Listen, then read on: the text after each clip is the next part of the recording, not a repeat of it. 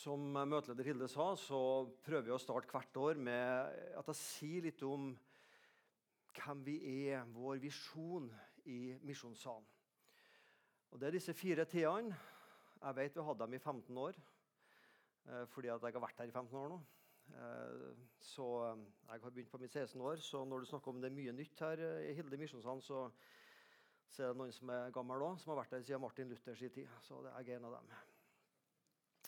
Men de fire t-ene er som det står tro og tilhøre, tilbe og tjene. Det kunne vært takk, det kunne vært andre ting, men det, det er litt, sånn, litt, enklere å huske. Det er de fire t-ene. Og Det sier noe om hva, eller ikke hva, men hvem vi er. Hva, hva slags menighet er vi? Hva skal kjennetegne oss? Hva slags verdier skal vi ha? Hvem ønsker vi å være, vi som tilhører Misjonssalen?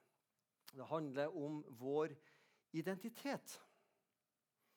Vi har også utarbeidet noe som heter fellesverdier, som vi utarbeidet for en tiårs tid siden. Så når jeg har medlemssamtaler med nye medlemmer, så går vi gjennom disse fellesverdiene for å, at man blir litt mer kjent med det er dette som er viktig for oss.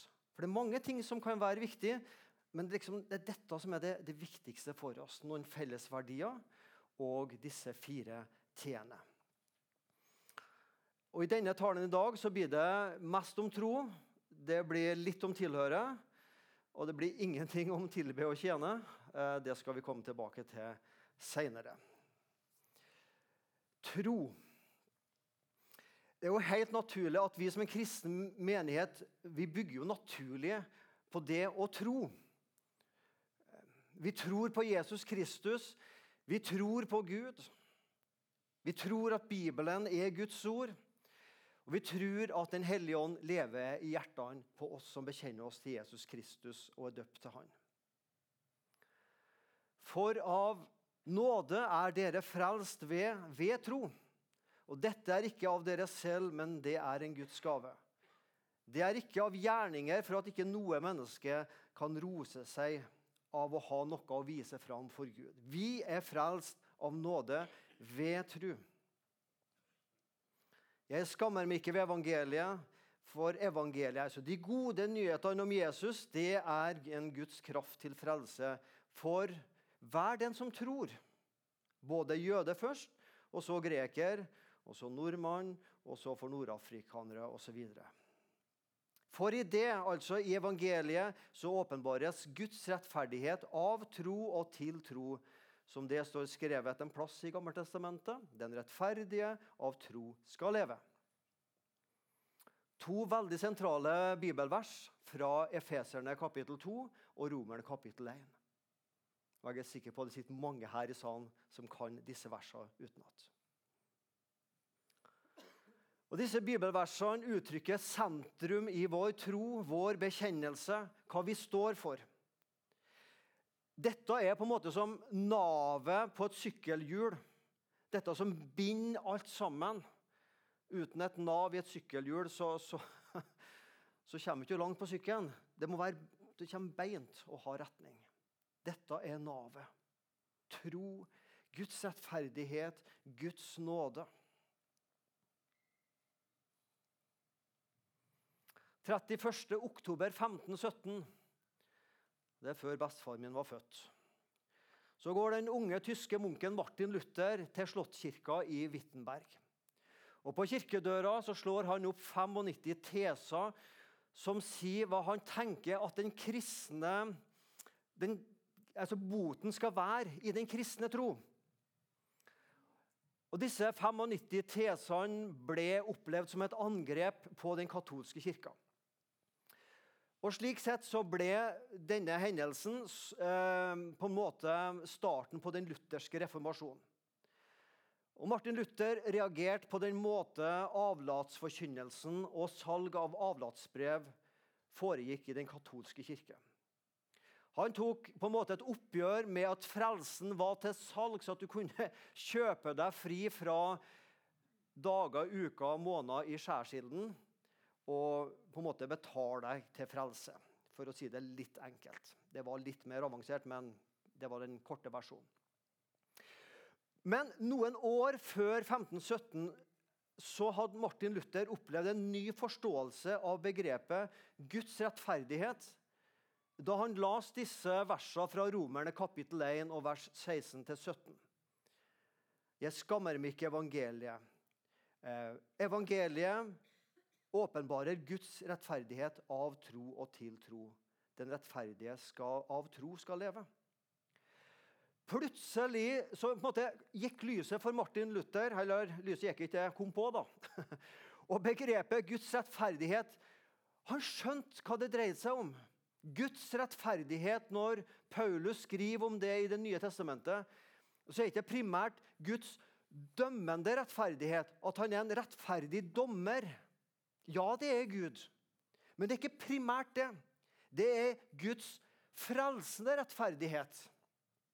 Han dømmer et menneske å være rettferdig pga. troa på Jesus' soningsdød.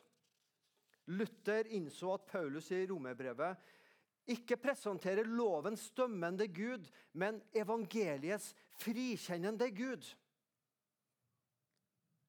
Martin Luther oppdaga ikke evangeliet, han gjenoppdaga evangeliet. Martin Luther strevde med dette spørsmålet som en ung kristen. Hvordan finner, hvordan finner jeg en nådig Gud? Luther han erfarte at verken bønn eller faste, fromhet eller gode gjerninger, tidebønner, messer, pilegrimsreiser hjalp han å finne en nådig Gud og oppleve Guds rettferdighet. Og I sin frustrasjon, hjelpeløshet over ikke å finne svar, så går han til sin åndelige veileder, som heter Johan von Staupitz. Og han gir Luther et godt råd. Når du skal søke Guds rettferdighet, ikke søk i tidebønner og alle disse for så vidt gode tingene, men søk Kristus. Søk Kristus. Søk nåden. Den rettferdige av tro skal leve. Det står det i Romerne. Vi som har studert teologi, vi måtte lære oss gresk.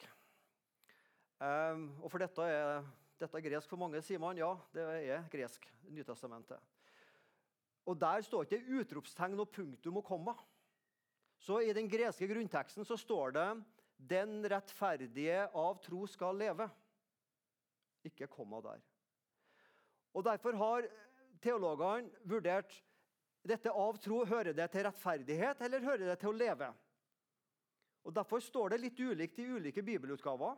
Hos noen så står det den som er rettferdig av tro, skal leve.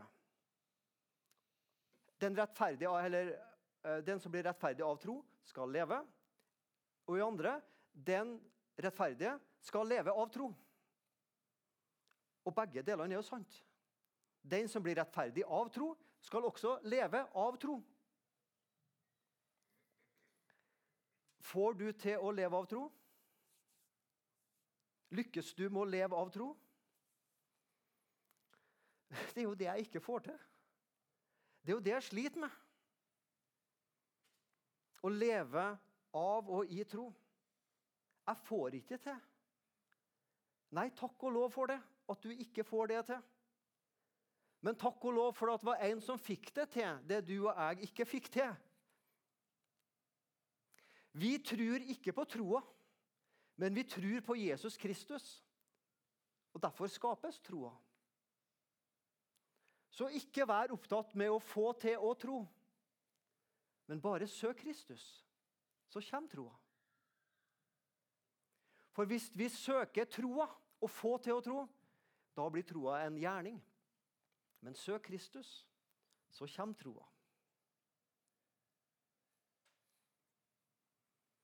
Å få til eller å komme til tro. Det handler ikke om å få til tro, men det handler om å komme til tro.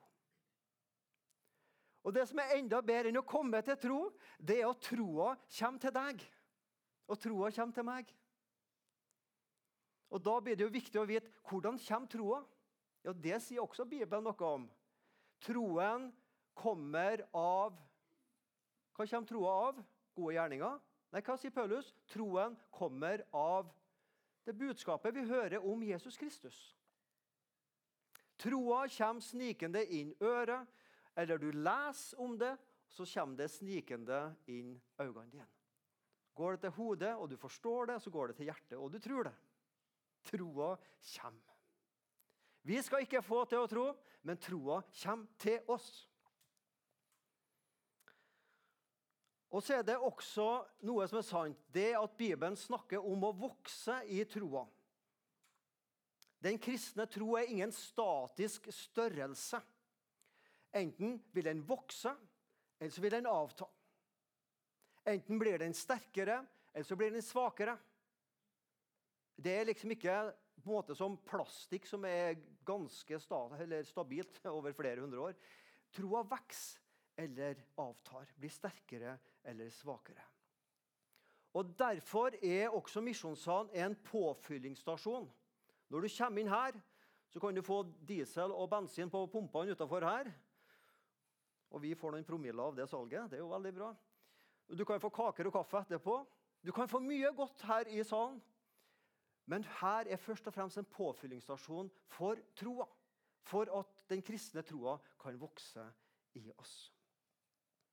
Evangeliet er en Guds kraft, power, energi til frelse for alle som tror.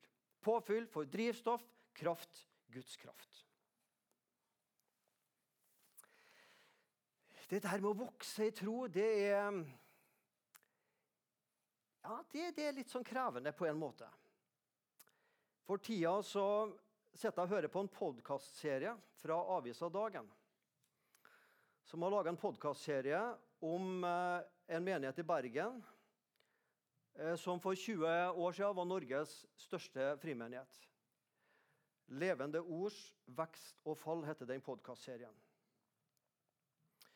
kan sies mye om det, og det skal jeg ikke bruke tid på i dag. Men denne menigheten var på en måte lokomotivet i det som heter trosbevegelsen. Og Det var mye forkynnelse om å ha tro til. Vi må ha tro til det ene og det andre. Og Det skal sendes ut tusenvis av unge norske ungdommer ut som misjonærer. Det var mye man hadde tro for og tro til. Og snakka mye om å vokse i troen. Og så kan det virke ut fra det jeg hører på podkastserien, at det endte ofte i forventninger som ikke ble innfridd. Skuffelser i stedet for seire. Ikke bare trosprosjektene, men også selve troa endte opp med krav og kav i stedet for å hvile i nåden. Gavedimensjonen på en måte forsvant. Jeg kan sies mye positivt om den menigheten. Men iallfall de som forteller om det i denne podkastserien, sier noe om at det ble et strev i stedet for å hvile i troa. Men samtidig, den kristne tro skal og må være en dynamisk voksende størrelse. Jeg skal faktisk rett forstått ha kommet lenger i troa i januar 2023 enn jeg var i januar 2022. Troa kan og bør og skal vokse. Den skal ta større plass, bli sterkere, vokse. Ja, Gud ønsker at vi skal finnes flere troende og mer tro i misjonssalen nå enn for ett år siden. Tilhøre. Jeg skal si litt om det i dag, og jeg skal komme mer tilbake til det om to uker. Men å tilhøre som er den andre T-en, er en dobbel dimensjon. Det, snakker, det, det, handler om å tilhøre Gud, og det handler om å tilhøre menigheten. For det første, som en kristen så tilhører vi primært Gud. Og rett forstått og positivt forstått så er det å tilhøre Gud noe, det er noe statisk. Det er enten tilhører jeg Gud, eller så gjør jeg det ikke. Enten er jeg innenfor Guds rike, eller så er jeg utenfor Guds rike. Jeg har liksom ikke én fot i Guds rike og én utenfor. Enten tilhører jeg Gud, eller så tilhører jeg Han ikke. Enten er jeg kristen og Guds barn, eller så er det ikke. Men hvordan kan jeg vite at jeg tilhører Gud, når jeg ikke kan få et fysisk pass som sier at jeg er en borger av dette riket som heter Guds rike? Bibelen snakker og skriver om tro og dåp dåp. I misjonssalen tror og bekjenner vi at dåpen frelser og setter oss i fellesskap med den tredje Gud. Derfor døper vi barn, men også voksne, i Faderens, Sønnens og Den hellige ånds navn. Vi tror at vi ikke fødes som gjenfødte. Derfor må vi bli gjenfødt. Og i det tror vi at dåpen har en rolle. Og sammen med dåpen Altså, Vi har tro på dåpen, ja. Vi har ikke tro på troa, men eh, troa er det Kristus vi har tro på. Samtidig så tror og bekjenner vi at uten en personlig tro på Jesus Kristus og hans frelsesverk, så vil ikke dåpen hjelpe oss noe på dommens dag. Derfor hører tro og dåp uknyttelig sammen. Alle døpte trenger vi å omvende oss, bekjenne våre synder og tro på påskens budskap på evangeliet. Tro er å ta imot. Han kom til sitt eget. Jesus kom til sine egne. Hans egne tok ikke imot ham. De hadde ikke tro på han. Så står det et fint ord 'men'.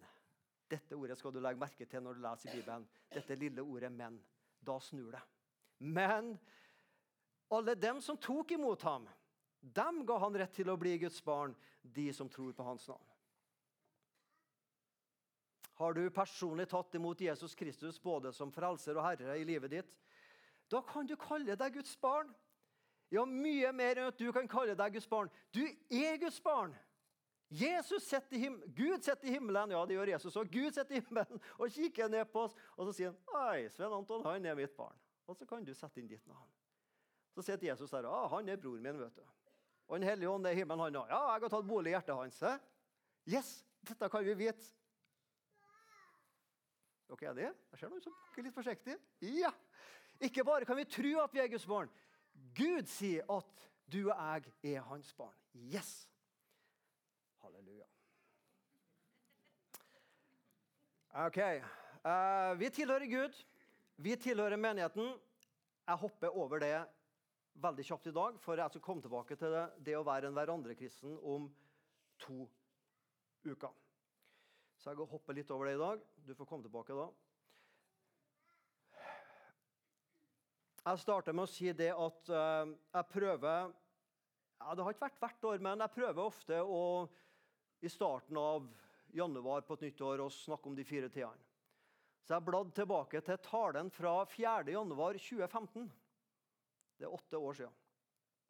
Så klipper jeg ut noe fra den talen, og det skal jeg nå lese opp for dere som jeg sa for åtte år siden. Jeg husker godt det møtet, og mange gjør det.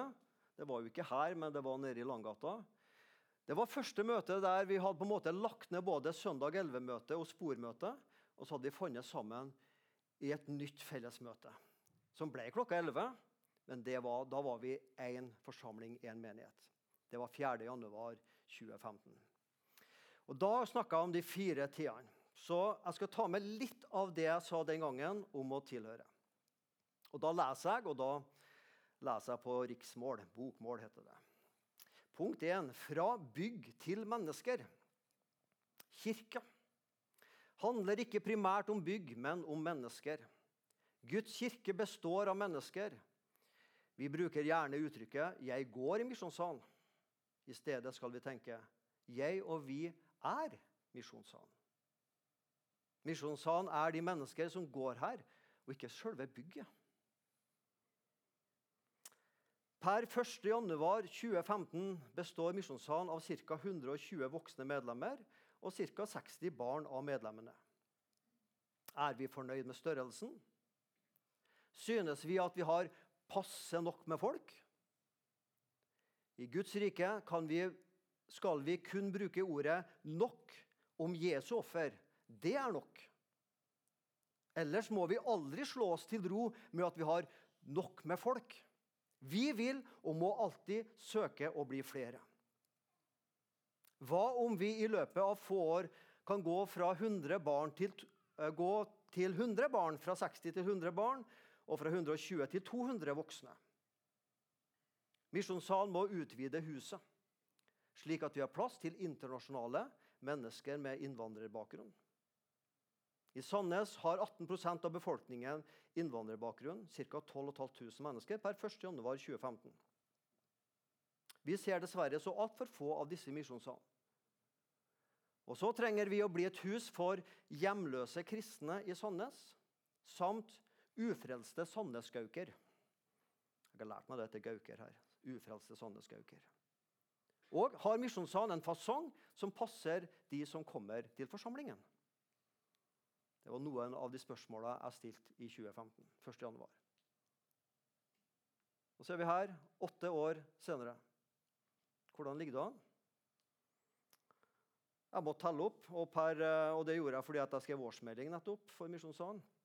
Og Der så jeg at vi nå er per årsskiftet 172 voksne medlemmer og 107 barn til og med det året man er 15 år. For det er religiøs myndighetsalder. Så vi har gått altså fra 120 til 170 voksne og 60 til snart 110 barn. Vi har blitt 100 flere på åtte år, som er en økning på ca. 60% Er vi fornøyd med det? Ja. Men er vi fornøyd at vi nå tenker nå er det nok? Nå kan vi slappe av og ta det med ro, folkens. Nei, vi ønsker fortsatt å vokse. Vi ønsker å vokse ikke bare i antall, men også i dybde og åndelighet.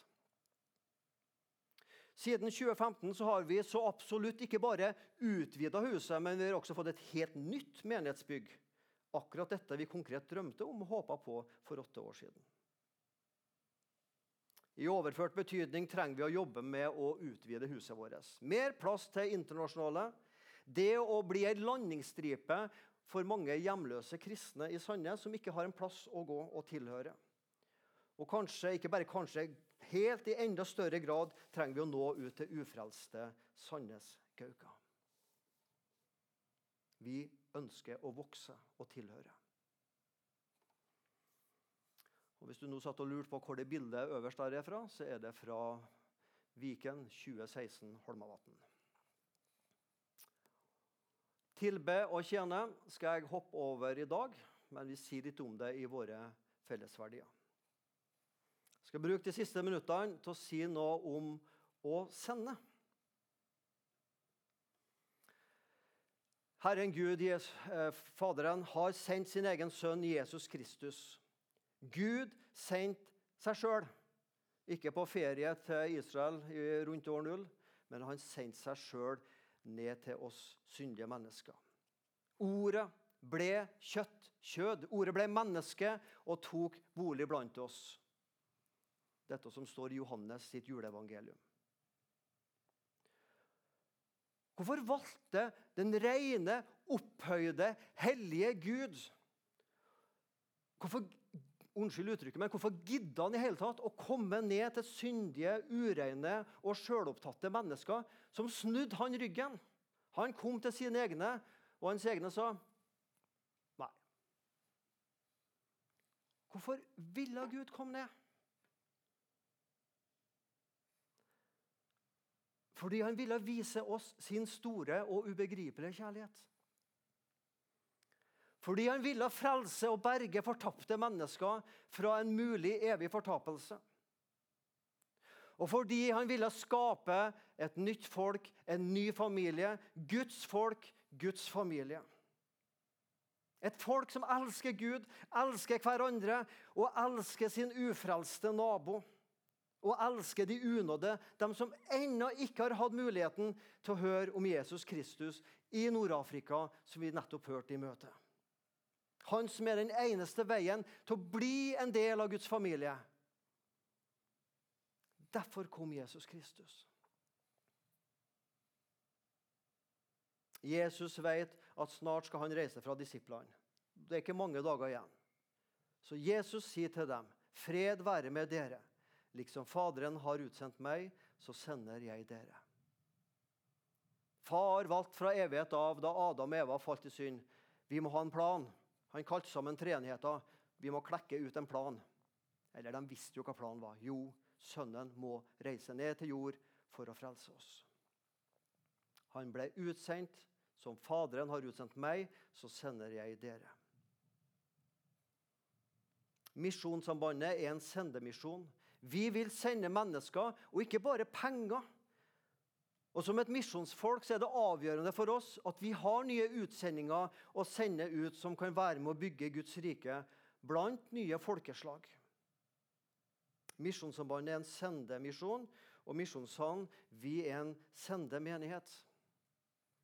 Her er de utsendingene vi har ekstra ansvar for. Derfor er Misjonssalen til. Blant annet derfor er Misjonssalen til. For at vi skal være med og sende nye utsendinger. Men det er jo ikke bare dem som er utsendt. Du og jeg er også utsendt. Har du tenkt på det?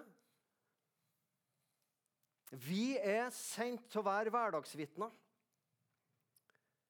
I løpet av en gjennomsnittsuke så er du kanskje her i misjonssalen to til fem timer. ikke sant? Du er på en søndag og kanskje noe komité eller et eller annet som skjer ellers i uka. To til fem timer er du her. De resterende 165 timene i løpet av uka så er du enten i senga og sover, eller så er du hjemme, eller så er du på arbeid. Og du er med andre mennesker. Ja, det visste du. Men hvorfor sier jeg det sånn? Jo, jeg sier det sånn fordi noen tenker at det å komme på en gudstjeneste da, da, da, da, er liksom, da, er vi i kampen, liksom. Hvis vi bruker fotballbildet, som noen av dere vet jeg er glad i, da, er, er spilles fotballkampen på søndag mellom klokka 11 og halv 1. Nei. Nå er du ikke på kampen. Nå er du på treningsøkta. Kampen spilles de resterende timene i løpet av ei uke. På hjemmebane. Det at Jesus skal ha en plass i deres familie på en eller annen måte.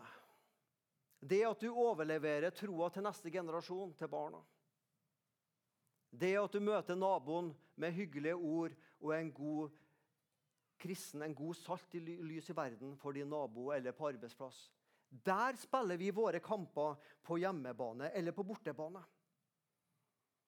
Og da, og Jesus sendte ikke disiplene tomhendt ut i kampen. Nei, se, jeg er med dere de beste dagene. Nei, alle dager. Og da han hadde sagt dette, åndet han på dem og sa til dem, ta imot Den hellige ånd. 2023. Jeg gleder meg alltid til å komme til misjonssalen. Ja, stort sett så gjør jeg egentlig alltid det. Det er herlig å være her. Deiligste plassen på jord, foruten hjemmet, det er å være her. Og Samtidig så vil Gud sende meg og deg ut i hverdagen til de menneskene vi møter. Og Skal jeg ha noe å gi, skal jeg være lys og salt, sånn som Jesus kalte oss til, så trenger du og jeg Den hellige ånd. Og Du trenger ikke be Den hellige ånd komme. Han har blitt gitt oss. Han har blitt utøst over alle troende. Ikke bare dem du syns er mest åndelig. Nei, alle kristne har vi Den hellige ånd.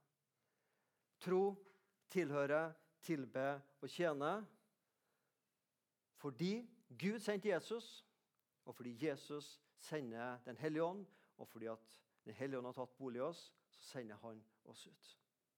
Kjære Herre Jesus Kristus. Takk for du ble sendt.